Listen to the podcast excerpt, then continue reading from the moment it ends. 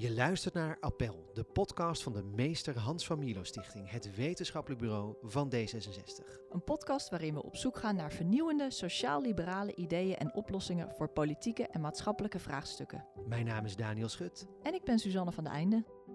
Ik, ik heb een beetje zitten nadenken over hoe je haar het mooist zou kunnen typeren. En ik weet niet of dat nu direct die eerste indruk was of dat dat langzamerhand gegroeid is. Maar het zijn drie woorden: beschaafd, integer en met een Engels gevoel voor humor. Um, het, het, het, soort types die je vandaag aan de dag ontzettend mist in de politiek. Op 8 februari was het tien jaar geleden dat oud-D66-minister Els Borst op gewelddadige wijze om het leven werd gebracht. Rond de tiende sterfdag van Els Borst staat de meester Hans van Mierlo Stichting uitgebreid stil bij haar nalatenschap voor D66, de politiek als geheel en voor de samenleving. Na de ode aan Els Borst die we eerder publiceerden, wijden we vandaag een podcast aan haar als politica en als mens. Wat kunnen we leren van het leven en werk van deze bijzondere vrouw? De eerste vrouwelijke vicepremier en D66-lijsttrekker. De minister achter zoveel progressieve kroonjuwelen. Daarover praten we het komende uur met drie bijzondere gasten. Pamela Stuurhoofd, Jessica van Tijn en Jacob Koonstam. Documentairemakers Pamela Stuurhoofd en Jessica van Tijn brachten op 8 februari de documentaire De Erfenis van Els Borst uit. Eerder maakten ze documentaires over onder meer Joep van het Hek, Herman van Veen en verzetsheldin Truus Wijsmuller. Jacob Koonstam is oud-Kamerlid voor D66 en was staatssecretaris voor Binnenlandse Zaken in het kabinet Paars 1, waar Els Borst ook in zat. Net als Els Borst was hij nauw betrokken bij het wetgevingsproces rondom euthanasie. En later werd hij voorzitter van de Nederlandse Vereniging voor een Vrijwillig Levenseinde. Van harte welkom alle drie. Dank Dankjewel. Meneer Koonstam, wat is uw mooiste herinnering aan Els Borst? Het zijn er wel veel. Um, ik denk eigenlijk dat de haar lijsttrekkerschap, um, typisch Els, tussen Bolkestein en Kok, die een ongelooflijk vervelend vorm van debat met elkaar aangingen. Ja? En dat de interviewer vervolgens aan Els Borst vroeg: wat, wat vindt u er nou van? Waarop Els zei: Dit lijkt toch te veel op een wedstrijdje te ver plassen. Daar doe ik niet aan mee. Dat ga ik sowieso verliezen. Nou, dat is in, in, in heel kort een, een ja, de Elsborst ten voeten uit. Ten voeten uit. Ze zaten een beetje te hakken takken, een beetje... Ja, en, ja. en overigens direct effect, want het had, we stonden geloof ik toen tien, uh, in de, in de, in de peil, tien zetels in de peilingen. En kwamen uiteindelijk met veertien twee dagen daarna. En ik denk nog steeds dat dat wedstrijdje Verplassen echt een paar zetels heeft opgeleverd. opgeleverd. Ja. En wat maakte dat typisch Els? Uh, Engels gevoel voor humor, uh, afstand nemen, ondertussen in het debat zitten. Um, de combinatie van dat alles. En ook, ja, niet onvriendelijk ten opzichte van Bolkestein en, en Kok, maar met scherts ja. uh, eigenlijk je punt ongelooflijk sterk maken. Precies, zonder het, zonder het heel direct mee te doen aan dat wedstrijdje nee. Verplas, uiteraard. Ja, ja. ja. mooi, prachtig. Uh, Pamela, Jessica, jullie, jullie werken al twintig jaar samen als documentairemakers. Uh, wat was voor jullie nou de belangrijkste reden om een documentaire over Els Borst te maken? Hoe, hoe, hoe begin je daarmee? Um, hoe beginnen we daarmee? Uh, het was eigenlijk na de film over Truus Wijsmuller, verzetsheldin, al eerder genoemd dat we sowieso dachten van er moeten meer films uh, over vrouwen, over sterke vrouwen gemaakt worden. En um, het was Jessica die mij op een gegeven moment uh, attendeerde op berichten die toen op Twitter hè, verschenen, nu X. en die zei, je moet eens kijken, dat was op de sterfdag van, van Els. wat een prachtige reacties van mensen, van politici... Um, uh, er staan te lezen. En toen vroeg Jessica, wat heb jij eigenlijk met Els Borst? En toen zei ik van, nou, behalve dat ik het een fantastische minister vond... Uh, komt zij ook, uh, kwam zij ook uit Beeldhoven, waar ik ook vandaan kwam. En ik zag haar wel eens lopen en ik dacht altijd, wat zou dat een geweldige oma zijn. En um, toen gingen wij samen kijken of er al een film over Els Borst gemaakt was. En dat was niet het geval. En toen keken we elkaar allebei aan en zeiden van laten wij een film over deze bijzondere minister en over deze bijzondere vrouw maken. Ja, ja. Jessica? Nou, zo is het precies gegaan. Ja. maar het is, het is Ja. gewoon heel mooi dat je ehm, dus al heel snel wordt aangetrokken eh, door herinneringen die je dan ergens hebt. En dan ga je met zo'n onderwerp aan de slag, zoals we normaal gesproken ook bij andere eh, onderwerpen doen. En dan ga je dus met een aantal mensen praten. Eh, Jacob Koomstaan was daar één van. eh, en mensen om haar heen om te kijken, is het, eh, wat zit er voor verhaal in? Want als documentairemaker moet er natuurlijk ook wel hè, meer in zitten dan ze was een leuke oma of ze deed dit of dat goed. Er, moet wel een, ja, genoeg vlees aan zo'n aan Ja. zo'n bot zitten. En dat werd, werd eigenlijk al heel snel duidelijk. Vooral als we terugkijken naar andere documentaires. ehm, ongelooflijke reacties van iedereen die we vertelden dat we met het idee rondliepen om een documentaire over haar te gaan maken. Dus dan we gingen naar mensen in het veld, hè, dus mensen die bij haar, wat uiteindelijk ook eh, de erfenis eh, werd, hè, openlijk. Ehm, dus mensen vanuit eh, de, kanker, HIV en al die onderwerpen waar ze mensen had aangeraakt.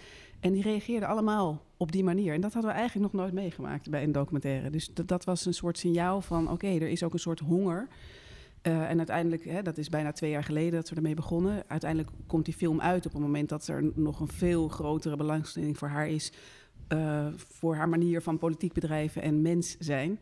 Eh, want ja, dat is een heel lastig moment eh, in de Nederlandse politiek en Nederlandse samenleving. Waar Ja. we nu in leven. Dus daarin past zij als een, ja, toch weer een soort voorbeeld eh, van hoe het ook kan. Ja. Ja. En wat maakt het nou vooral dat, het, dat er genoeg, hè, zoals je het zelf zei, vlees aan zat om er een documentaire over haar te maken? Het feit dat ze zoveel mensen geraakt had? Of, We hadden wel een serie over haar kunnen Ja. maken. Want ze heeft natuurlijk zoveel ehm, ja, ook voor elkaar Ja. gekregen. Ik wil, daar gaan we het later natuurlijk nog over eh, hebben. Over de euthanasiewet, het, het rookbeleid, eh, orgaandonatie. En ja, heel veel mensen die ook iets over haar graag wilden, wilden zeggen. Ja. En ja, nou, dat, dat, dat bleek ook wel heel erg moeilijk tijdens het maken van de documentaire. Hoe vat je het leven van Els Borst samen in, eh, in één uur? ja. Nou, het is inderdaad echt een prachtige documentaire. Dus ga hem vooral eh, kijken. Ehm, meneer Koonstam, u zei net vooraf even van... ja, het- tegen Jessica en Pamela... jullie kennen Els bijna beter dan, eh, dan ik. Bent u nieuwe dingen over haar te weten gekomen door de documentaire? Nee, behalve dat het op een rijtje zetten van alles wat ze gedaan heeft, natuurlijk toch wel, ja, voor mij, die natuurlijk met haar heeft gewerkt. eh, eh, je hebt afstand en op een gegeven ogenblik was je daarmee geconfronteerd dat er zo ontzettend veel gebeurd is in de tijd dat ze minister was en überhaupt de persoon Els Borst. Dus nieuw niet, maar door de opsomming is het in, tenslotte een heel overtuigend nieuw beeld. Ja, ja. Mooi. Ik denk, ik denk ook een beeld eh, van, van die acht jaar paars. Hè? Want het is natuurlijk niet alleen Els Borst waar die film over gaat. Het is ook dat je wordt gedrukt op de feiten van eh, hoe goed jullie dat hebben gedaan door dat besluit te nemen om als de verkiezingsuitslag daar eh, aanleiding toe geeft, ook een keer te, te zorgen dat je een kabinet hebt waarbij die christelijke partijen tijdelijk buitenspel worden gezet. Althans, niet helemaal, maar wel in het kabinet. En dat je dan als partij eh, besluit, of de partijen die daaraan meedoen, dat je die medisch-ethische onderwerpen die eigenlijk natuurlijk al veel langer boven die maatschappij hangen. Want ik bedoel, euthanasie was iets waar jullie als partij en een aantal eh, belangrijke mensen, waaronder jij, al heel lang mee bezig waren. Dat is niet iets waar zij van dacht, oké, dat is mijn onderwerp, dat ga ik nu doen. Maar zij was wel de, eh, de juiste persoon binnen dat kabinet om dat ook over de streep te trekken. Ja, en daar was natuurlijk vanaf eh, 77, 81, die periode ongeveer.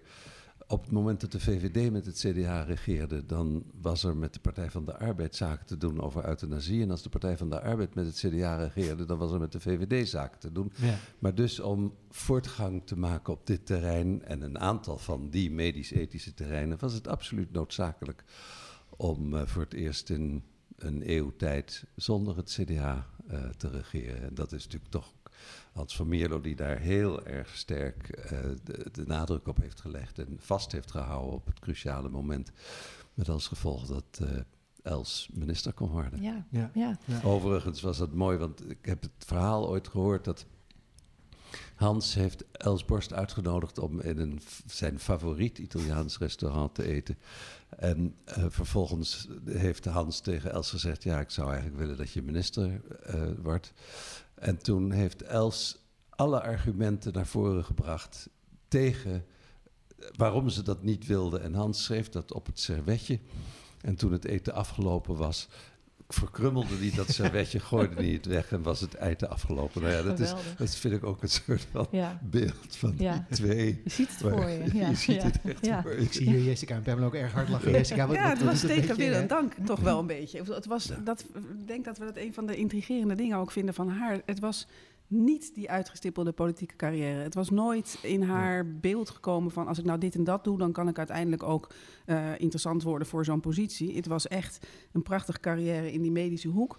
Eh, dan eigenlijk heel tevreden zijn dat dat eindigde in een eh, hoogleraarschap hè, waar ze ongelooflijk mee uit de voeten kon. Hè. Mensen begeleiden, die medisch-ethische vraagstukken op die manier ook vormgeven.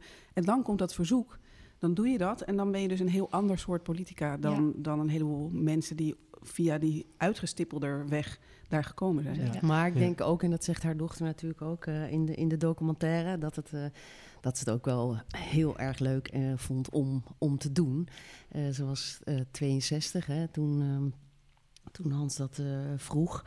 En ze zei ook, de kinderen zijn de deur uit. Eh, eh, haar man was eh, al eerder eh, overleden. En ja, wat is er dan mooier om je kennis ook weer eigenlijk op een bepaalde manier door te geven. Dus het was voor haar denk ik ook een, een, ja, een heel mooi nieuw avontuur. Ja. En ze had tijd om elk weekend twee loodgieterstassen vol te lezen, zoals ze daar zo mooi zei. Ja. Ja, eh, ze was natuurlijk eh, voorzitter geweest van de Gezondheidsraad, waardoor ze wel in die politieke kant eh, meegekeken heeft. Want bedoel, in zo'n adviesraad je natuurlijk ook, moet je oppassen dat je, nou ja, dat je effectief probeert te adviseren en tegelijkertijd integer. In die zin eh, eh, denk ik dat misschien die periode ook nog wel het meest dicht bij de politiek is geweest. En daarmee, ja, misschien wat weerzin heeft overwonnen. Ja. Om er dan ook zelf in te duiken. te duiken, Ja. ja. En haar dus Ja. meer kwalificeerde. Want we hebben het steeds over het belangrijke aspect dat zij hè, een van de eerste echte vakministers was. En daar ben ik ook een ongelooflijke voorstander van. Ik denk dat we dat ook aan haar zo aantrekkelijk vonden om haar nu naar voren te brengen en daarmee ook een statement te maken van kijk, dit gebeurt er als iemand hè, echt een vakminister is. Maar Verstand dat moet zeker heeft. ook eh, gepaard gaan met dat je weet hoe je zo'n departement aanstuurt. En Ja. Dat politieke spel, dat, dat vond ze ook heel ingewikkeld. Dat was niet iets waar ze nou heel makkelijk... eh, hè, ze noemde het aan het begin, waarom zou ik zo'n slangenkuil instappen? Maar ze kreeg ook wel iets van die slangen op zich af. Ja. Gaan we het zo nog even uitgebreid inderdaad over, over haar politieke leven hebben. Ehm, want Nederland hè, leerde haar pas heel laat kennen, op haar 62ste. Maar daar ging natuurlijk een heel leven aan vooraf. Ehm, waar, waar kwam ze vandaan? En wat voor gezin groeide ze op? Kunnen jullie daar wat over vertellen? Eh, ze kwam uit de rivierenbuurt, eh, eh, Amsterdam. En ze, is, eh, als, eh, ze werd geboren, nee, ze is enig kind. En ehm, ze kwam eigenlijk eh, uit, een, ja, uit een heel liefdevol gezin... waar altijd ruimte was om eh, mensen op te vangen... zieke mensen te verzorgen. En ehm, ja, ze was zelfs gewend dat een, een zieke tante of een zieke oom... in haar bed mocht, mocht slapen... Ehm, dus ja, het zorgen voor anderen, dat werd haar als, als kind ehm, al vroeg eh, bijgebracht. Eh, ze, is, eh, nou, ze heeft natuurlijk, dat zit ook in de film Tweede Wereldoorlog eigenlijk van dichtbij meegemaakt. En wij vonden dat belangrijk om dat ook in de film te laten zien, omdat dat ook zo'n invloed later eh, op haar leven heeft gehad. Ik zou het kor- kort schetsen. Was, eh, in eerste instantie eh, was ze de, de Shabbos-gooi. Dat betekent ze woonde, haar buren waren Joods. En als het dan Shabbat zaterdag was, dan werd zij gevraagd om, om de kaarsen aan te steken. Dat, dat heette Shabbos Gooi? Dat heette Shabbos Gooi. Oké, Dat ehm, was ze. En zij heeft ehm, in de Tweede Wereldoorlog heeft ze haar buren ook ehm, eh, dat de buren werden weggevoerd. En zij eh, had toen al zoiets van: waarom doet niemand wat? Waarom doen mijn ouders eh, niks? Ehm, ze realiseerde zich ook wel vrij snel dat als haar ouders iets hadden gedaan, dat die de oorlog waarschijnlijk ook niet hadden overleefd. En ehm, wat een, een, een dramatische gebeurtenis die ook veel invloed op haar leven heeft gehad, is dat zij op een gegeven moment terugstepte van, van, van school. En eh, dat was in eh 45. ehm, Maart eh, 45. maart Toen was ze 13 45. jaar, hè, Toen was ze geloof ik. 13 Ja, jaar, net ook 13 13. jaar. En dat ze toen door een Duitse soldaat werd eh, aangehouden en gedwongen werd om naar een executie te kijken op het uh, Wetering-circuit. Uh, van uh, een aantal jonge jongens, uh, verzetstrijders. En uh, ze werd gezegd van je moet je ogen open houden. Dat, dat heeft ze gelukkig niet gedaan. En ze heeft eigenlijk altijd uh, ook uh, later gezegd: ja, dat heeft, heeft, heeft zo'n ja, ongelooflijke invloed op gehad. Op dat wat ik later ging. Want ik wilde iets voor anders betekenen. En ik besefte, als ik uh, dat wat wilde, dus dat zei ik net, uh, lerares um, oude talen, Grieks en Latijn. Maar dan kon ik niks doen. Dus toen uh, besloot ze om um, medicijnen te gaan studeren. Nou, en daarmee kon ze dan uiteindelijk wel iets voor andere uh, mensen doen. Maar die oorlog heeft een, ja, heeft een uh, hele grote invloed op haar leven gehad. Wat een afschuwelijk verhaal. Ja, ja. Ongelooflijk. ook tegelijkertijd knap dat iemand dan toch nog zo zorgzaam kan zijn. Als je zo met dit soort verschrikkelijke verhalen opgroeit en dit allemaal moet zien. Of juist wel, Je hè? kunt juist ook heel cynisch worden misschien, maar dat, is, dat heeft ze niet Hopelijk gedaan. net te jong, uh, Ja, waardoor je dat- toch nog wel in de maakbaarheid van je eigen bestaan en dat van de mensen om je heen gelooft. Ja. Uh, dus dat, dat serviciale, dat zit dan daar ook in. En inderdaad, die hele bewuste keuze. Ik wil zelf niet in die situatie terechtkomen waar mijn ouders, hè, waar ze de ouders zo letterlijk onder haar neus uh, in had gezien. Namelijk dat je niks kunt doen. We, we hebben het nu over, hè, we hadden het voorafgaand aan dit gesprek al even over Rusland, Navalny enzovoort. Die situatie van nu, dat je die straat op wil en dat er nog steeds mensen die straat op durven gaan in, in Moskou en, en weten dat ze worden opgepakt. Weet je, dat, dat zijn keuzes die zo ingewikkeld liggen. En zij had naar die ouders kijkend zoiets van waarom doen ze dat niet? Uh, ik denk dat dat zo op jonge leeftijd, ze zat in de eerste van de middelbare school. Uh, ongelooflijk je, je systeem van denken en van je waarden en normen aanzet. En, Ja. en dat je dat voor jezelf uh, gaat ontwikkelen naar Ja. aanleiding van dat soort uh, momenten in je leven. Ja. Praten zij er later over? Over deze ervaring? Nee, ik heb er daar, nooit over gehoord. Nee. Ik denk dat, dat naar anderen die ook in persoonlijke zin dichterbij Els uh, stonden. Carla Pauw bijvoorbeeld, denk ik dat die, dat die er wel van gehoord Dat was haar politieke assistent, toch? Ja, dat was haar politieke assistent. Dat is de politieke assistent sinds 66 van alle partijleiders geweest. Ja, Ja. Overgenomen van, van, van Hans van Meer Ja. ook. En ik geloof dat ze pas op heel late leeftijd nog teruggegaan is naar die plek op het uh, Wetering uh, plantsoencircuit.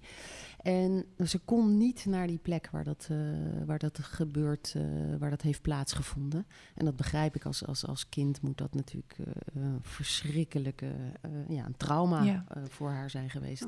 Je ziet in de film wel twee momenten waarop ze erover gesproken heeft. Hè? Aan tafel een keer als Latere het gaat leeftijd over... die- begon precies. ze erover te Ja. praten, ja. Omdat En ze dat ook, belangrijk eh, vond.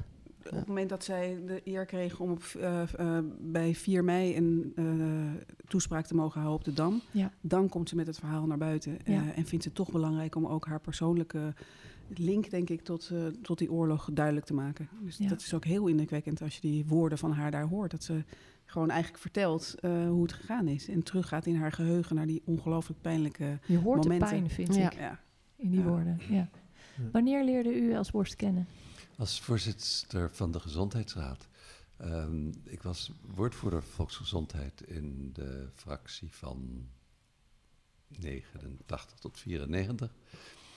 Um, en, en ging af en toe bijtanken. Um, uh, zij, zij wist waar het over had en ik was bloed zien, dan val ik flauw. Dus ik ben een totaal ongeschikte woordvoerder op dat terrein. Uh, maar, maar, maar dus bij Els langs af en toe. En met name ook het hele euthanasiedebat waar ik toen uh, de, de woordvoerder uh, binnen de fractie was. En het initiatiefontwerp van Elida Wessel-Tuinstra had overgenomen. Het is ingediend als het initiatiefontwerp Wessel-Tuinstra verworpen. Jammer genoeg als het initiatief Koonstam, want zo gaan die dingen. en, uh, maar daar ben ik dus een paar keer ja, gewoon om bij te tanken en, en de verschillende kanten van de medaille te zien geholpen te worden. Ook bij andere uh, vraagstukken die in de, in de volksgezondheid speelden. Dus eigenlijk uh, qua, qua kennis bijtanken ook. Ja. Qua, ja, Ja. ja. Ja. En dan als partijgenoot of als, uh, Wel als kennis? partijgenoot. Ja, nou ja, in die dubbele hoedanigheid uiteraard, omdat ze die kennis had, maar, maar wel als D66er ging Ja. ook naar haar toe als partijgenoot. Ja. En wat was uw eerste indruk van haar? Weet u dat nog? Nou ja, ehm, ik, ik heb een beetje zitten nadenken over hoe je haar het mooist zou kunnen typeren. En ik weet niet of dat nu direct die eerste indruk was of dat dat langzamerhand gegroeid is, maar het zijn drie woorden: beschaafd, integer en met een Engels gevoel voor humor. ehm, het- het soort types die je vandaag aan de dag ontzettend mist in de politiek. Mensen met een beetje afstand en tegelijkertijd erin zijn, betrokken op de inhoud. Maar ja, ja. Ja, en, en buitengewoon serieus, maar ook juist die afstand kunnen nemen eh, zonder enige twijfel. Integer, hoewel ze, je kunt als integer iemand ook spelletjes spelen. Dat hoeft, dat hoeft elkaar niet per se te bijten, maar wel je te realiseren wat je aan het doen bent. ja. Dat heeft ze natuurlijk later in de politiek, denk ik, zeker geleerd en, en gedaan.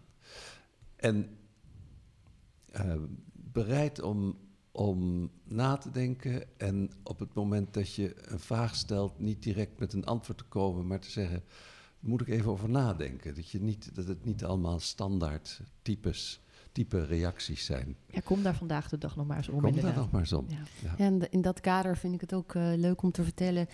Ehm, voor de film heb ik eh nou, uren archiefmateriaal bekeken van Els. En ik eh, zat echt hardop eh eh, thuis eh, tegen te praten van ongelooflijk hoe, hoe netjes Ja. jij altijd blijft. Hoe, hoe, en inderdaad, dat ook met de spelletjes van journalisten of van politici. En dat ik zelf zoiets had van. En nu kan je toch wel een keer ehm, een, een, een, een- opmerking of iets. Hè, maar altijd netjes, altijd integer, altijd met geduld, altijd luisterend. En zo bewonderenswaardig. Zo ehm, ja, ook, ook heel, heel slim natuurlijk. Maar nooit, dat, nooit ordinair, nooit onbeleefd.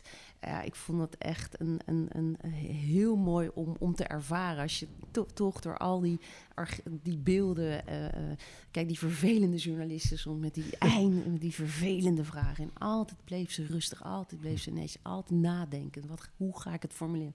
Hoe ga ik antwoorden? Ik vond dat echt een prachtig om te zien. Ja, ik heb zitten nadenken ook over vandaag en ik kwam op het Engelse woord civilized. Dat is eigenlijk mooier dan beschaafd, maar het is, het is, beschaafd is de vertaling die Google Translate Echt, geeft. Dus ja, civilized ja. Maar ik vind civilized is echt een, een Samenlevingsgevoelig. ook zeker, ja, samenleving, ja maar, ja, maar het is toch, Nee, ja, het is ook een vorm van inderdaad in de discussie blijven, eh, geen onvertogen woord. Nee. Soms de humor gebruiken om iets te nuanceren, maar niet onaangenaam ten Nee. opzichte van je gesprekspartner. Dat is een kunst. Was zij daarin toen ook al een uitzondering?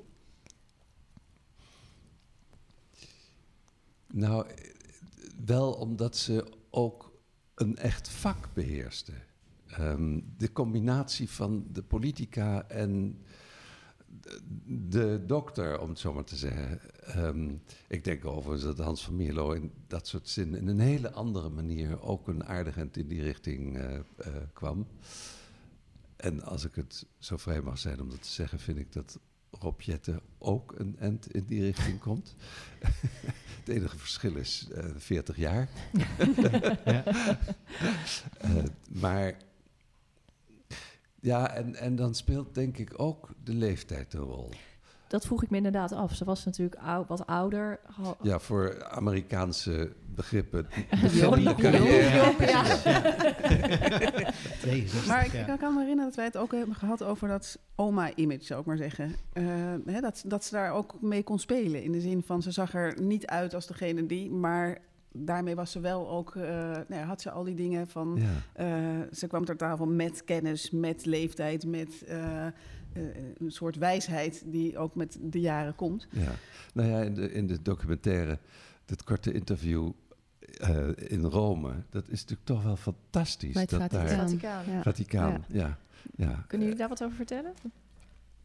Ja, ze, ze gaat naar het Vaticaan op het moment dat de euthanasiewet eindelijk is, eh, door, eh, of, of is aangenomen. En dan heeft ze zoiets van, ja, dat is niet genoeg. Ik moet ook aan de wereld wel uitleggen waarom wij dan als enige, als eerste in de wereld dat eh, voor elkaar krijgen. En dat we dat echt niet doen met van, nou, oké, nu kan iedereen gewoon eruit stappen. Maar dat dat met een heleboel mitsen en maren omgeven is. En dan gaat ze dus in het Vaticaan notabene proberen uit te leggen. Eh, ik weet niet wie op dat geniale idee kwam. Misschien weet jij dat Samen wel. met Hans van Mierlo Ja, is ja, het Ja, geweest, samen met Hans van Ja. Moer geweest, ja. Nee, ik weet niet, weet niet waar, waar het idee vandaan is gekomen. Hoe is dat gesprek verlopen? We- weten we daar iets van? Nou, nee, daar hebben ze Nee. denk ik ook Het, het gesprek zelf niet, Niet. maar, maar dus wel dat, dat, Ja. dat interview na afloop waarin Ja. ze zegt van het is heus niet zo dat ze nu allemaal omarmen voor ons. hebben Nee, nee. Maar we hebben wel Nee. even uitgelegd eh, hoe Ja. het zit. Dat wij hier niet zomaar opeens eh, allemaal moordenaars zijn. Hè? Ik geloof dat ze zoiets eh, zegt. Ja. Eh, maar dat zij het ook belangrijk vond om dus die nuance aan te eh, brengen naar de buitenwereld toe. Want je Ja. kunt ook zeggen, god, ja, wat heb ik daarmee te maken? Ik, ik ben hier. Dat had natuurlijk wel een staartje eh, gehad ook eh, met haar interview in NRC Handels, Ja. Handelsblad toen nog volgens mij. Ja. Misschien even voor de luisteraar eh, wat dat staartje was. Nou, ik denk dat je doelde op het feit toen de wet was aangenomen, zij eh, in een interview heeft gezegd, het is volbracht. En dat dat, dat, dat, dat Op met Goede, name Vrij- door- op Goede Vrijdag, Ja. geloof ik. op hè? Goede Eh, Vrijdag, dat waren dat de door woorden- met name het christelijk Ja. deel van de natie ontzettend kwalijk is genomen.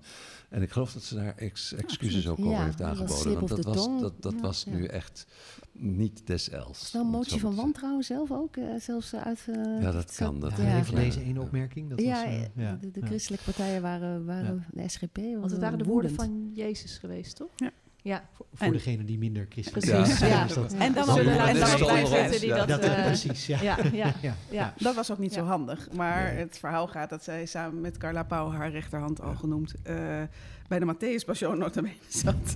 En daar tussendoor heb je dan even vrij. En ze zaten, eh, geloof ik, een broodje te eten. En toen kwam dat uit. En zij Ja. hadden zich gewoon niet gerealiseerd. En als je dan met grote letters natuurlijk als kop Ja. opeens ziet, dan Ja. denk je wel, hoe kunnen we hier Oeps. nog iets mee? ja. En toen was die eh, krant al gezakt, dus Ja. er kon ook niks meer aan veranderd worden. En ze Ja. hadden natuurlijk, hè, leuk dat je daar dan ook meteen de kop van maakt. Dat, dat is journalistiek. Het klinkt wel, ja. Ja. Als ik die journalist was geweest, had ik ook gedacht. Ja. Dat wordt de kop. Ik Dat vrees is- Deze dat ik het ik. zelf Ja. had gedaan. Ja, En het feit dat, dat ze wat ouder was, eh, eh, droeg dat er misschien ook aan bij dat ze wat minder profileringsdrang had. Was natuurlijk sowieso, er waren nog geen sociale media, maar misschien van, nou, ik, dat ze meer van, ik, hè, ik, ik, ik weet wat ik kan, ik ga gewoon mijn werk doen en eh ik hoef me Karakter, denk ik? Ja, Is dat denk ik ook. Ik denk dat. Els eh, een, een, een, een drang had om zich eh, Nee. eh, te profileren. Dat Nee. was echt haar, haar karakter. Zoals zij was, ja. En, en Nou ja, en voor haar gezag speelde dat natuurlijk ook een rol in Den Haag eh, en daarbuiten. Ja. Dat als je Els op de televisie ziet of, of live ziet, dan is het een oudere, mooie en, en, en wijze dame. Ehm, een, een 22-jarige redt dat niet, om het even heel flauw te zeggen. Dus het was in die zin speelt het Geloofwaardigheid, hè? ja, heb je dan over? geloofwaardigheid. Ja. Gezag Ja. en geloofwaardigheid speelt in die zin een, een rol. Je had het net over die, dat moment dat zij eh, in dat verkiezingsdebat hè, eh, over het verplassen het had. Eh, eh, men zegt dat eh, Wim Kok haar ook inzette als er ruzies waren, als er ruzie in de ministers waren. Dat zij dan als een soort moeder, hè, dat hoort dan ook een beetje bij dat ouder zijn, als een soort moeder die twee eh, vechtende jongens, denk ik vooral, bij elkaar zette en dan er met elkaar uitkwam om, om weer door te kunnen gaan. Dus dat, dat was ook een Was eigenschap zo, die zij kennelijk... Nou ja, dan kom ik met een andere gebeurtenis uit de Treffenzaal, wat natuurlijk totaal verboden is. Maar ik heb het al eens eerder verteld, dus ik geloof dat ik als recidivist nu wel mag. De, de, Els heeft bij de eerste Paarse kabinet, eh, toen we ons suf piekerden over een lijn eh, in, de, in de troonrede, ehm, heeft Els had, er, had een lijn te pakken. Ik weet niet eens meer welke, maar in ieder geval, eh, Wim Kok was zeer gecharmeerd van die lijn en heeft die overgenomen. En het tweede jaar, Paars, eh, Paars 1, zat Els met zo'n stapel papieren, was weer miljarden zoek en, en eh, was bezig. En in, tijdens die kabinetszitting had Willem vermeend het ging over, ik geloof het kwartje van Kok, in ieder geval voor, voor- voor behoorlijke verhoging van het accijns op benzine en, en eh, diesel. En Willem Vermeend had de hele nacht doorgerekend dat ook de Opel Vectra-rijders zouden er ongelooflijk Oh, op achteruit gaan. Ja. En Hans Weijers, die, dat, die de felheid van Willem Vermeend niet goed begreep, begon ontzettend te giechelen. En toen werd Willem Vermeend helemaal boos. Het zijn allemaal D66-stemmers, die Opel Vectra-rijders. Vervolgens het debat afgelopen en moesten we gaan denken over de grote lijn voor een tweede eh, troonrede van Paars 1. En Wim Kok zei, de minister van Volksgezondheid heeft ons vorig jaar zo ontzettend op, op, op pad geholpen. Mag ik minister van Volksgezondheid als eerste het woord geven? En Els kwam los van al die miljarden die ze zoek was en zei, oh, ik, ik moet de minister-president ontzettend teleurstellen. Ik heb geen, geen nieuwe gedachten. Oh, misschien dit. Dat we de koningin kunnen beginnen met te laten zeggen... Dames en heren, leden der Staten-Generaal... de Opel Vectra-rijders gaan een buitengewoon moeizaam jaar tegemoet. Even voor de, voor de mensen die luisteren en niet kijken. Terwijl je dit uitspreekt, heb je je ogen dicht en ben je ook heel even Elsborst. Ja. Prachtig, ja. Ja. Het is overigens, geloof ik, tussen Willem Vermeend en Elsborst nooit meer goed gekomen. Nee, dus is het is een fout voorbeeld van waar je het over Ja. hebt. Dus de- de- Het is wel een mooi verhaal. Ja. Ja, en ik moet het denk ik, hoor jou zeggen van hè, moeder, oma, een beetje die, die rol, dat imago. Ik kan me voor, ik denk niet dat dat vandaag de dag geaccepteerd zou worden door vrouwen in de Tweede Kamer of in het kabinet. Was dat. eh, eh, Want? moet ik zeggen? Waarom, denk je niet? Nou, ik denk dat dat als, toch als, eerder als seksistisch zou worden genoemd. Zeker het, het, het oma, moeder. ehm, Maar dat werd denk ik een, niet openlijk een, een gezegd. man werd niet, wordt niet zo heel snel opa of vader genoemd binnen het kabinet. Ik denk dat, dat, er meer, dat het meer een soort geuzennaam is in de zin van boven de partijen staan Ja. en met je kennis eh, aan tafel Dus gaan het was zitten. echt een positieve... ja, ik denk dat het helemaal niet was van jij bent uitgespeeld en je hoort er niet meer echt bij. Niet in die zin, oma, maar Nee. meer de rust en, en, en het overzicht. Wijsheid. Eh, Ja. ja. Ja. en Ja. dus juist niet meer eh, zo ver mogelijk willen plassen. Nee. Of, hè, dat, dat is Ja. dan iets wat bij oma sowieso niet hoort. Maar eh, Of juist wel. Ligt een beetje aan welke oma je denkt. Ja, maar ze verliezen sowieso Dus nee, ik, Ja. denk, ik, ik heb dat nooit op die manier opgevat. Meer als de, de oudere, wijzere eh, en iemand die, die in staat is om afstand van iets te nemen... om tot de kern en de inhoud van iets te komen.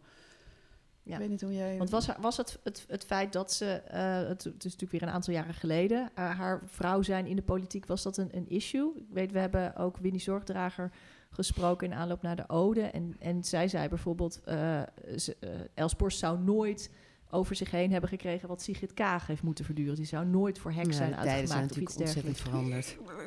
Laten we zeggen dat ze rond eh euthanasie toch ongelooflijk is aangevallen door christelijke partijen, maar ook de, de, christelijke hoek. Hè. Zij werd de duivel genoemd. En En ook specifiek dat als omdat ze een vrouw? Precies, was? Of dat omdat af. vanwege die euthanasiewetgeving? Ja. Ik denk dat een man ook door de christelijke partijen was, eh, was, Dat was aangevallen. Ja. Dat, dat weet ik zeker. Ja, Ja, dus ik, ja, ik denk dat, het in de, dat politiek in deze fase nog veel ingewikkelder is. Maar meer omdat het harder wordt gespeeld Ja, misschien dan persoonlijk, toen. ja, of, ja. Of, of roept iemand dat wel of niet op. er waren nog geen sociale media, dat scheelt natuurlijk ook. Ongelooflijk. Ik bedoel, daar moet je mee eh, uit de voeten. Ik vind in de film ook heel mooi dat interview...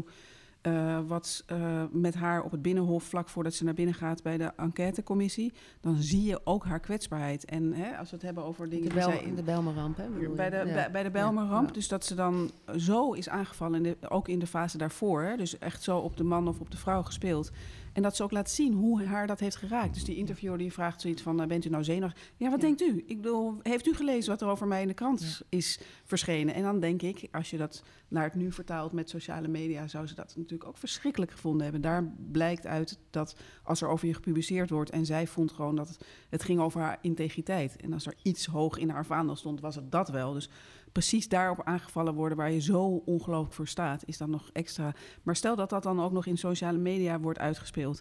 Ik denk dat ze dat ook ongelooflijk ingewikkeld had gevonden. Pamela, je zegt ook, het zijn andere tijden nu. Het zijn, het, ja, het, het- wat ik net zei, het is allemaal veel persoonlijker. Op de man-vrouw af wordt het gespeeld.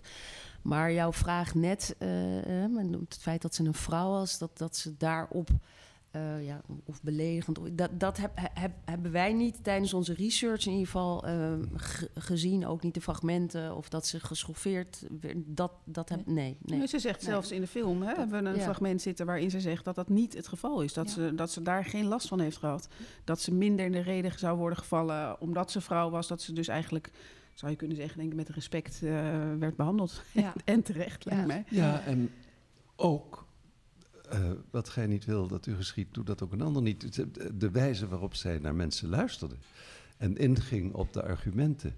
Ehm, ja, mm, daar, daar krijg je ook, dat krijg je dan wel weer terug. De, de, de wijze waarop ze debatten voerde was natuurlijk heel knap en heel ehm, meevoelend met degene die anders denkend, bij wijze van spreken. En vervolgens daar afstand van nemen zonder, zonder eh, eh, wonden achter te laten. En dat invrijven, dat dat is helemaal niet, hè, na, na iets wat gebeurd was. Overigens, de, de kritische kant op de documentaire die jullie veel gehoord hebben, is uh, Rob Oudkerk. Um, en dat gaat natuurlijk over de Belmer-ramp. Niet zozeer over de vrouw Elsborst, maar over de minister en, en, en alles wat er gebeurt.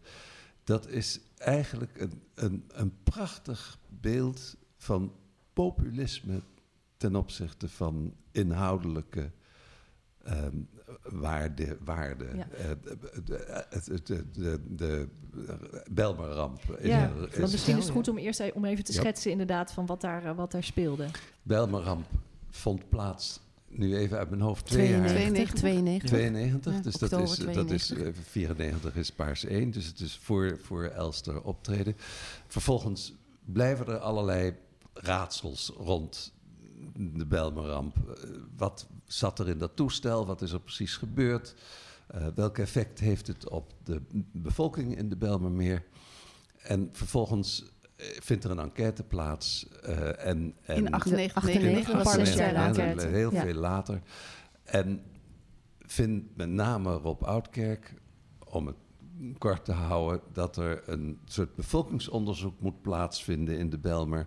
Om te zien welke effecten, ook puur fysiek, uh, vast te stellen zijn uh, op, op grond van de Belmer-ramp. Hij vond eigenlijk dat het al plaats had moeten vinden. Hè? En Rob Oudkerk, welke functie had hij toen? Hij was vicevoorzitter van de uh, Belmer enquêtecommissie. Ja, En zelf arts. Hè? Dat is ook belangrijk, al die dingen. Die, uh, er staan daar twee mensen tegenover elkaar.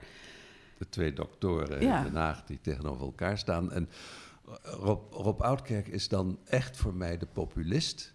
die om een gebaar te maken naar de groep in de Belmermeer... een bevolkingsonderzoek, noem ik het maar even... Uh, wil doen plaatsvinden terwijl je in alle opzichten kunt vaststellen dat dat onzinnig is. Dat dat geen zin heeft, geen toegevoegde waarde en alleen maar vervolgens zal boemerangen in de richting van juist dat deel van de bevolking.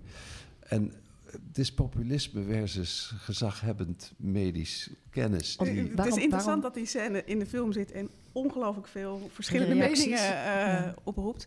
Uh, want er valt op een heleboel manieren naar te kijken, denk ik. Want er zitten daar inderdaad, zoals ik al zei, twee artsen. Uh, ik geloof wel dat Rob Oudkerk, uh, in elk geval nu terugkijkend, ook duidelijk maakt dat hij Elsborst wel heel hoog had zitten. Ik geloof niet dat dat verzonnen is. En dat hij haar zo hoog had zitten, omdat ze zo altijd, we hebben het er eigenlijk nog veel te weinig over gehad, uh, als ze iets had in haar visie, was het die patiënt in het centrum van haar beleid altijd zetten. En hij had eigenlijk bij dat verwachtingspatroon dan ook zoiets gehad van: doe dat onderzoek. Het, is ook twee artsen die op een verschillende manier kijken naar die wetenschap.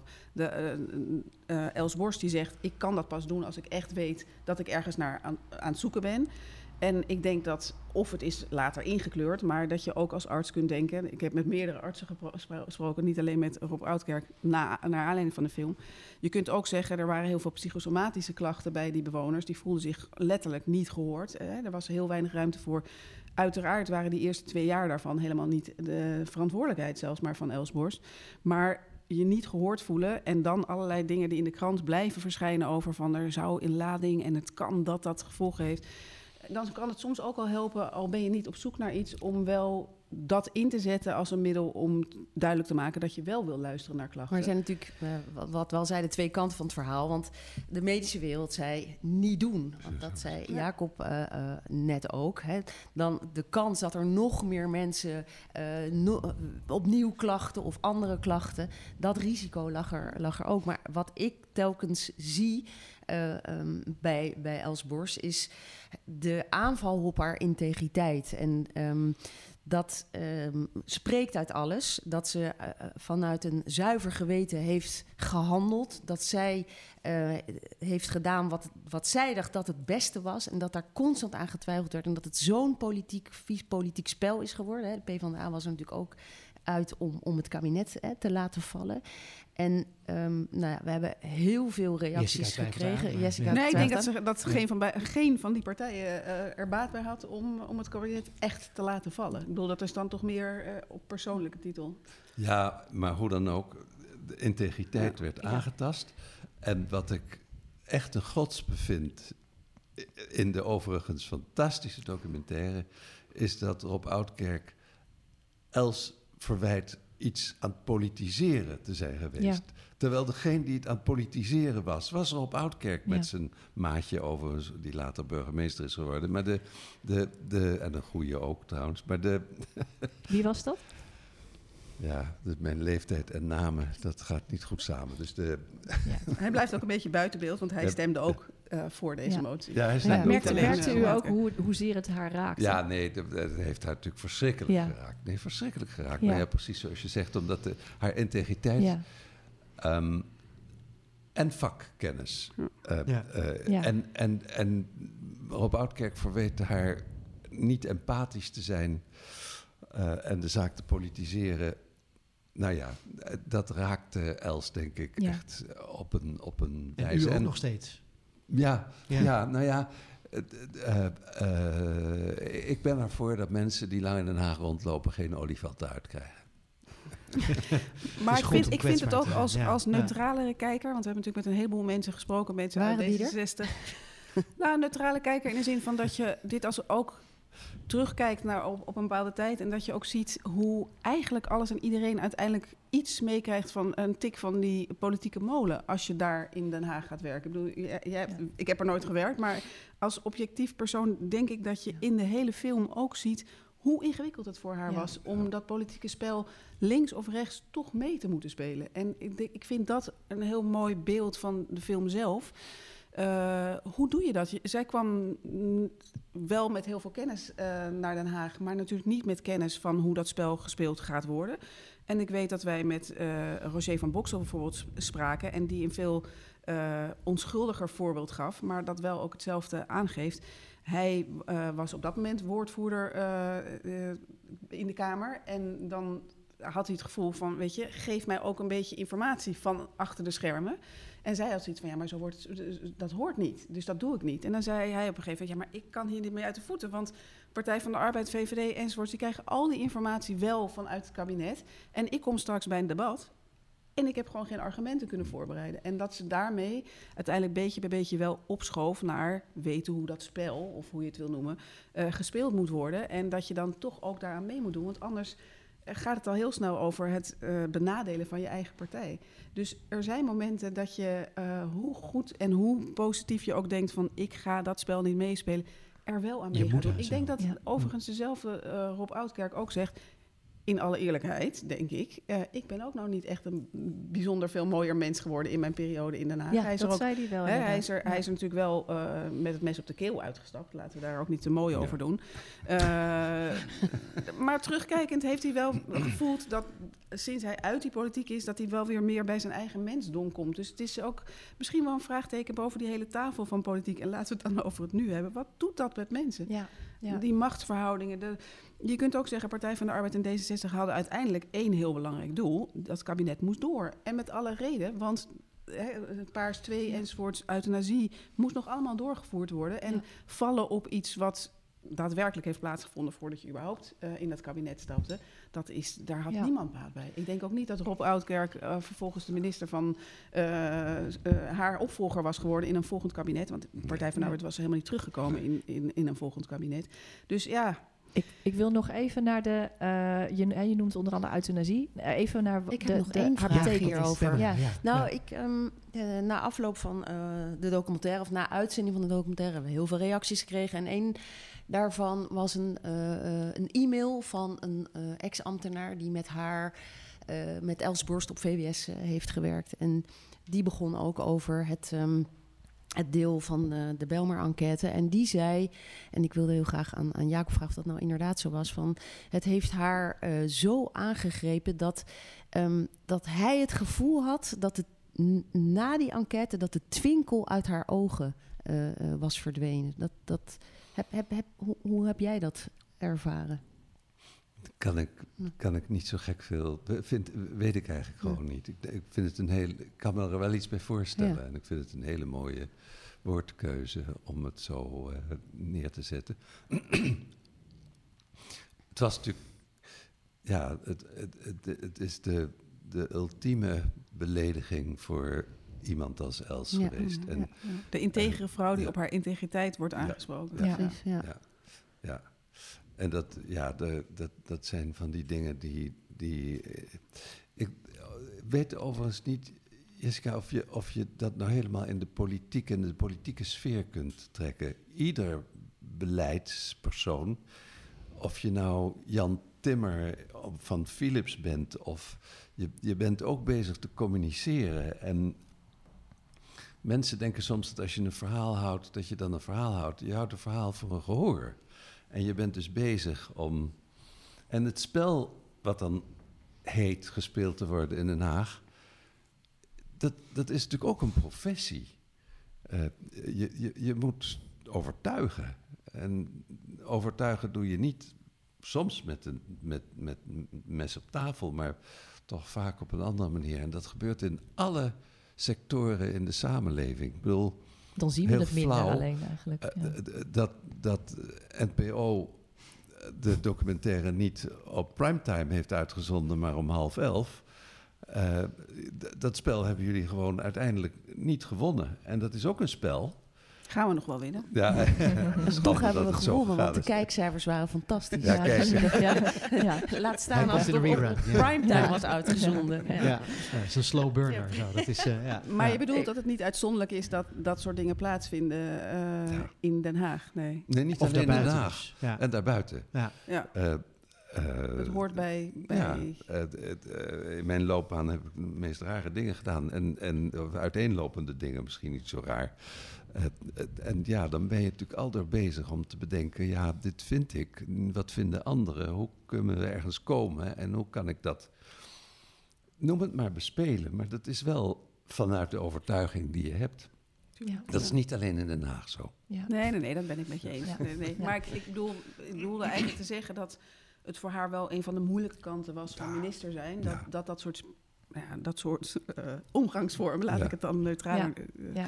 Ja. uh, erbij hoorde. Ja. En dat Ja. je daar dus ook in, tot op zekere hoogte in mee moet uh, Ja. om overeind Ja. te blijven. Ja. Maar En dan Tess is het tempo heel hoog en dan zijn de twinkle in your eyes zijn weg. En dan heb je waarschijnlijk ook gewoon onvoldoende tijd om te denken...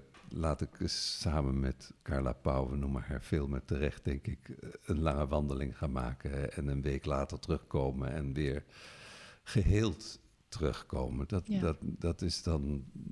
Ja, dat is wel Den Haag, dat de pressie al erdoor gaat... Ja. en dat de tijd om na te denken en tot jezelf te komen gering is. Ja, ja. Moeilijk. Ja. Desondanks heeft ze enorm veel bereikt. Uh, de euthanasiewetgeving is natuurlijk al genoemd, maar zij stond aan de wieg van veel meer. Uh, waaronder maatregelen tegen roken uh, en medicijnen voor, tegen HIV. Dat, dat zij ook zo aan de wieg heeft gestaan, eigenlijk tot wat nu het rookverbod op zoveel plekken is geworden. Dat, dat was ook voor mij onbekend. Vertel eens. Um, ja, dat waren belangrijke zaken natuurlijk uh, uh, voor uh, Els Borst. En euthanasiewetgeving had natuurlijk alles te maken. Dat was natuurlijk niet alleen Els Borst, dat was D66, was daar natuurlijk Zeker. al veel langer mee bezig. Maar het recht op, op waardig sterven, uh, dat stond natuurlijk bij Els Borst ook uh, hoog in het uh, vaandel. En het, het recht tot, tot zelfbeschikking, hè, dat je zelf over je leven uh, mag beslissen, dat zie je eigenlijk in heel veel dingen terug. Um, ja, in, in de gedachten van, van, van Els Borst. En ja, alles, ik bedoel, we hebben het al genoemd, vak, uh, vakminister, haar medische achtergrond. Ik bedoel, het rookbeleid, uh, het, het niet meer roken uh, op de werkruimte. Allemaal dingen die zij zo ongelooflijk uh, belangrijk Wat vond. ze als En- arts wist wat voor, hoe schadelijk het was. ja, hoe schadelijk was. Ik denk dat, dat Nederland er heel anders uit had gezien. ehm, als die, als die ja, wetgeving bijvoorbeeld op, eh, op het gebied van, van euthanasie of het rookbeleid of eh, embryo-onderzoek. als dat er orgaandonatie, als, eh, als Els Borsten er niet eh, was geweest. Maar roken was ook tricky, hè? Want het was niet... Dat kan jij beter zeggen. Hier hangen foto's met pijp Ja. en alles.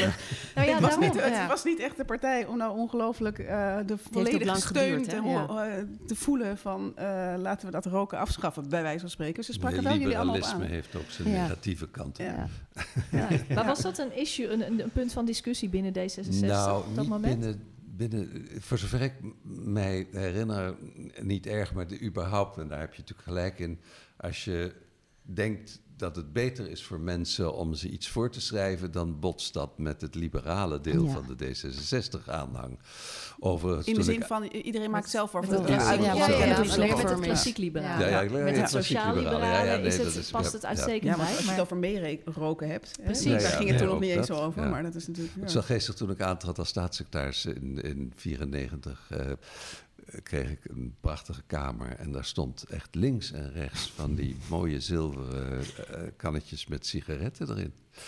Die heb ik over, zonder dat Els mij daar opdracht toegegeven heeft, meteen weg laten halen. Maar, de, maar de- met die ideeën, 94 rookte echt iedereen Precies. al door, dus waar ze dan had ook. de tijdgeest niet Ja, mee voor nee, die wetgeving. nee, Heeft ze, nee. Was het een, was Nou het ja, een en het forse was strijd? heel eerlijk gezegd, laten we eerlijk wezen, het gaat ook om poen. Ja. Precies. Ehm, En, en achter de schermen hebben wij vanuit de echte anti-rook, dus de artsen enzovoorts, de longartsen, voor een deel ook in de film, eh, wel begrepen dat in het lobbygedeelte van eh, het roken, eh, het anti-rookbeleid tegen willen houden, ook wel veel eh, D66'ers zaten. Dus niet actief in de politiek, maar dat dat wel mensen waren die echt met alles wat ze waren probeerden die wetten of, of Ja. regelgeving daarover eh, te tegen te houden. boycotten.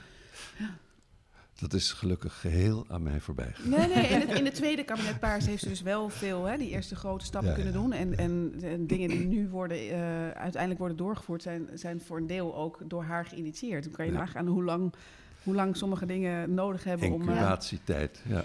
Ja, maar dat dus, want zij pakte, zij had niet de makkelijke onderwerpen wat dat betreft. Hè. Ze moest best veel strijd leveren natuurlijk. Het, het waren, of die medisch-ethische eh, onderwerpen waren natuurlijk aan de ene kant eh, long overdue. Dus het, dat, daar had ze tij mee. Ja, Maar dit soort hardnekkige eh, dingen waren dus ongelooflijk dat was moeilijk. echt een voorloper in. En daar was ze natuurlijk ook gefrustreerd over. En, en ik, ik heb begrepen dat ze ook veel van jullie heeft aangesproken op, zelfs bij dat laatste congres, haar laatste congres althans, de avond voordat ze stierf. Ehm, daar werd ook nog gezegd van, zit je nou weer te roken, weet je? Ik bedoel, tegen eh, Jacob, nee, niet tegen Jacob, geloof Ik, niet. ik, rookte Roger, al lang nee, Roger. nee, Ja. nee, nee, nee, precies. Maar jij bent een van degenen die dus al niet meer rookte toen zij daar was. Ja, ja. Maar eh, Roger van Boksel is gestopt. Ja. En dan zegt hij, ik heb er zo'n spijt van. Dat heb ik wat gedaan nadat zij er niet meer was.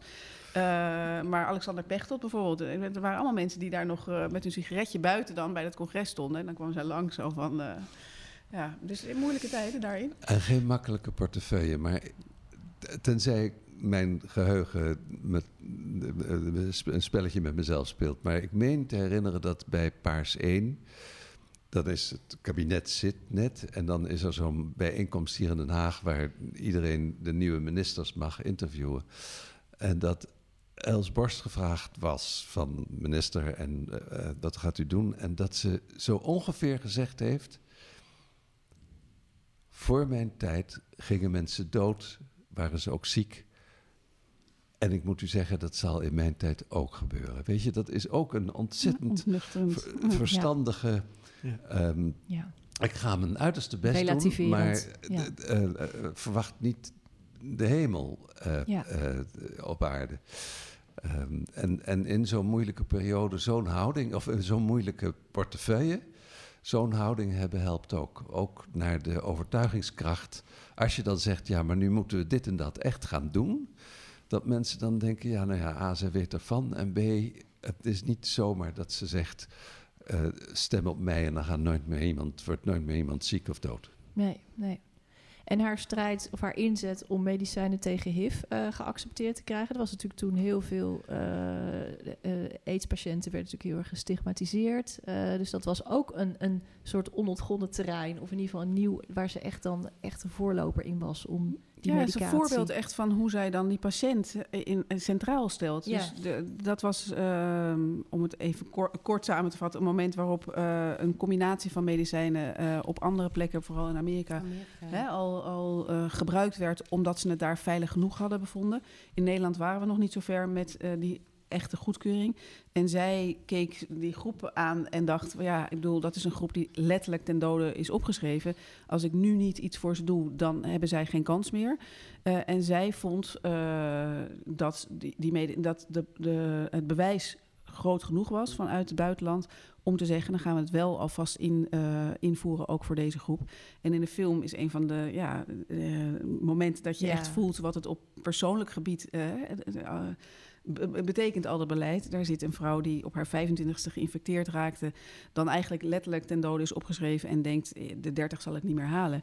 Eh, en die komt net op tijd, eh, in Spanje is ze geïnfecteerd geraakt, komt net op tijd terug naar Nederland om dan dat combo te mogen gaan innemen. En zij is inmiddels net 60 geworden. Eh, en dan heb je op heel persoonlijk eh, gebied heb je, ja, wat betekent het om politicus te zijn en wat betekent het als je bepaalde eh, dingen door kunt voeren eh, op dat niveau van eh, mens. Het ging slechts om een aantal maanden, geloof ik, dat die HIV-remmers eerder op de markt mochten komen. En zo Maar, en zo belangrijk. Ja, en dat je dan precies. toch levens kan redden door Ja. zo'n beslissing te nemen Ja. en niet te wachten. Ja. De maakbaarheid van de politiek misschien ook? Mm, nou ja, eh, soms wel, ja. Ja. En in- soms duurt het heel lang en soms kan je eh, direct effect sorteren Ja. op, eh, op het welzijn van mensen. ja. Wat maakte haar nou een echte D66er? Ik denk dat als het niet bestond, D66 had ze het uitgevonden. Dus de, de, de, de, co- de combinatie van ehm, niet dogmatisch, principieel pragmatisch noem ik het wel eens, eh, D66. En, de, en, en dat is niet richtingloos, maar dat is steeds nadenken en op basis van kennis van zaken, kennis uit de wetenschap, een, een, een doel stellen en proberen daar te komen. Nou ja, ook echt de trio eh, woorden wat ik eerder noemde.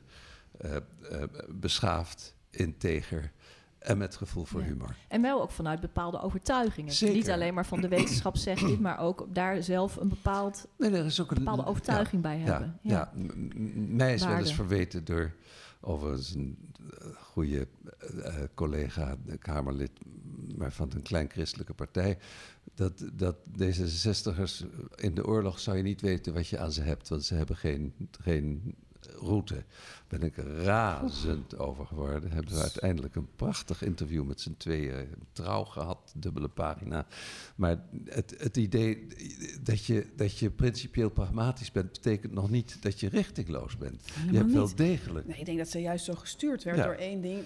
We mogen, eh, hè, dat zelfbeslissingsrecht, dat zie je heel erg in euthanasie, maar dat zie je ook in abortus, wat Ja. zo'n ongelooflijk nog niet besproken thema is. Hè, daar, en je hebt het wel al genoemd, eh, haar manier van mensen overtuigen. Eh, als er een wetgeving komt voor euthanasie, maar ook abortus, dan is die er vooral voor mensen die daar gebruik van willen maken. En daarmee zit ik anderen die dat niet willen, niet in de weg. Eh, ik, ik verplicht niemand om euthanasie, ik verplicht Je niemand duwt om abortus. Nee. Het is Precies, gewoon, maar ja. laat voor keuze. die mensen die dat wel willen, laat die keuze er zijn. En dat is denk ik helemaal niet richtingloos. Dat, dat, dat maakt ongelooflijk helder bij een heleboel belangrijke punten waar je staat. Maar ik maak een heel klein zijstapje, maar heel belangrijk vind ik dat om te noemen. We hebben het hier afgelopen uur over gehad, over oma. En hè, Els was al ouder, m- 62. Maar juist denk ik omdat ze 62 was. En juist ook om het feit dat ze zelf natuurlijk ook heel veel eh, op privégebied had meegemaakt. Hè. Haar, haar man is aan de ziekte van Kaler overleden. Eh, ze heeft een één of meerdere miskramen gehad. Ze had natuurlijk ongelooflijk veel naast haar medische achtergrond. En had ze heel veel levenservaring. En ik denk dat dat haar ook zo heeft geholpen. Of, of hè, als minister. Want we kunnen, ja, ik vind soms zijn oud en oma en dit. Ja, Mhm. maar Een empathisch mens. daarom. Ja. eh, eh, Ja, Nee, maar ze stond voor alle relevante waarden ehm, die, die, die eh, nou ja, voor mij als D66er eh, heel essentieel en dierbaar zijn. maar daarmee niet ehm, de, de, de kleine stappen die in die richting gezet zijn, zijn uiteindelijk groots uitgepakt. Eh, de revolutionaire zul je binnen de club niet zo erg vinden. Maar wel die stapjes nemen en, en steeds in dezelfde richting met een overtuigingskracht.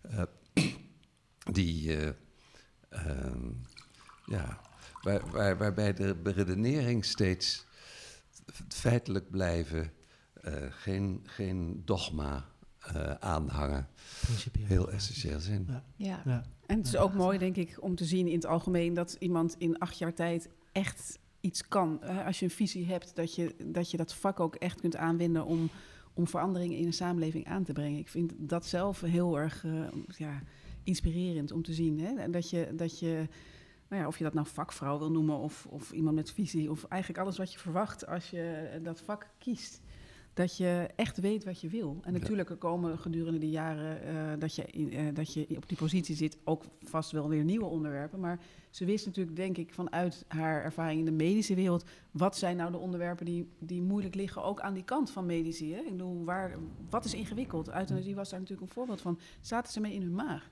En als je dan komt met de kennis die je op de vloer hebt gehad... en je probeert dat uh, overtuigend te brengen, dat, dat is wel... ja. Het geeft een krant. Ja, ik zie, ja, we, heel langzaam, ja. maar ik wil toch, want dat uh, ja. uh, ben ik net, weer, net weer tegengekomen in het mooie boek wat Nele Bijens over Els Borst heeft geschreven. Ze heeft vijf jaar onderzoek gedaan. Uh, ik vind het ook belangrijk om te noemen, omdat Jessica en ik ook veel aan dit boek um, hebben gehad in onze research. Maar wat ik vanochtend weer tegenkwam, en, en wat misschien, wij spraken hier voordat de uitzending begon, over het formeren. Els had, ik weet niet of jij dat weet, Jacob, maar ook een, een talent voor dichten. En zij was in 98 was ze, was ze informateur. En toen heeft ze ergens op een blaadje een, een heel mooi gedicht gemaakt, vrij naar Willem Kloos. En ik, in deze tijd waarin we wachten, hè, wat gaat er gebeuren met de formatie, vond ik het wel heel mooi, als het nog even kan, om het snel voor te lezen. Geschreven door Els Borst. Ik ween om kleinheid van de grote mannen, waarvoor de macht steeds voor de inhoud gaat. Ik ween om coalities in de knop gebroken, nog voor de bloei van een regeerakkoord vergaan. Ik ween om kabinetten die nooit zijn ontloken en om mijn politiek die nimmer werd verstaan. Ik ween om melkertbanen die de breuk forceerden, omdat doorstroming steeds, meer, steeds maar achterbleef en dus de banen langzaam perverteerden. Ging langzaam de beloning overschreef.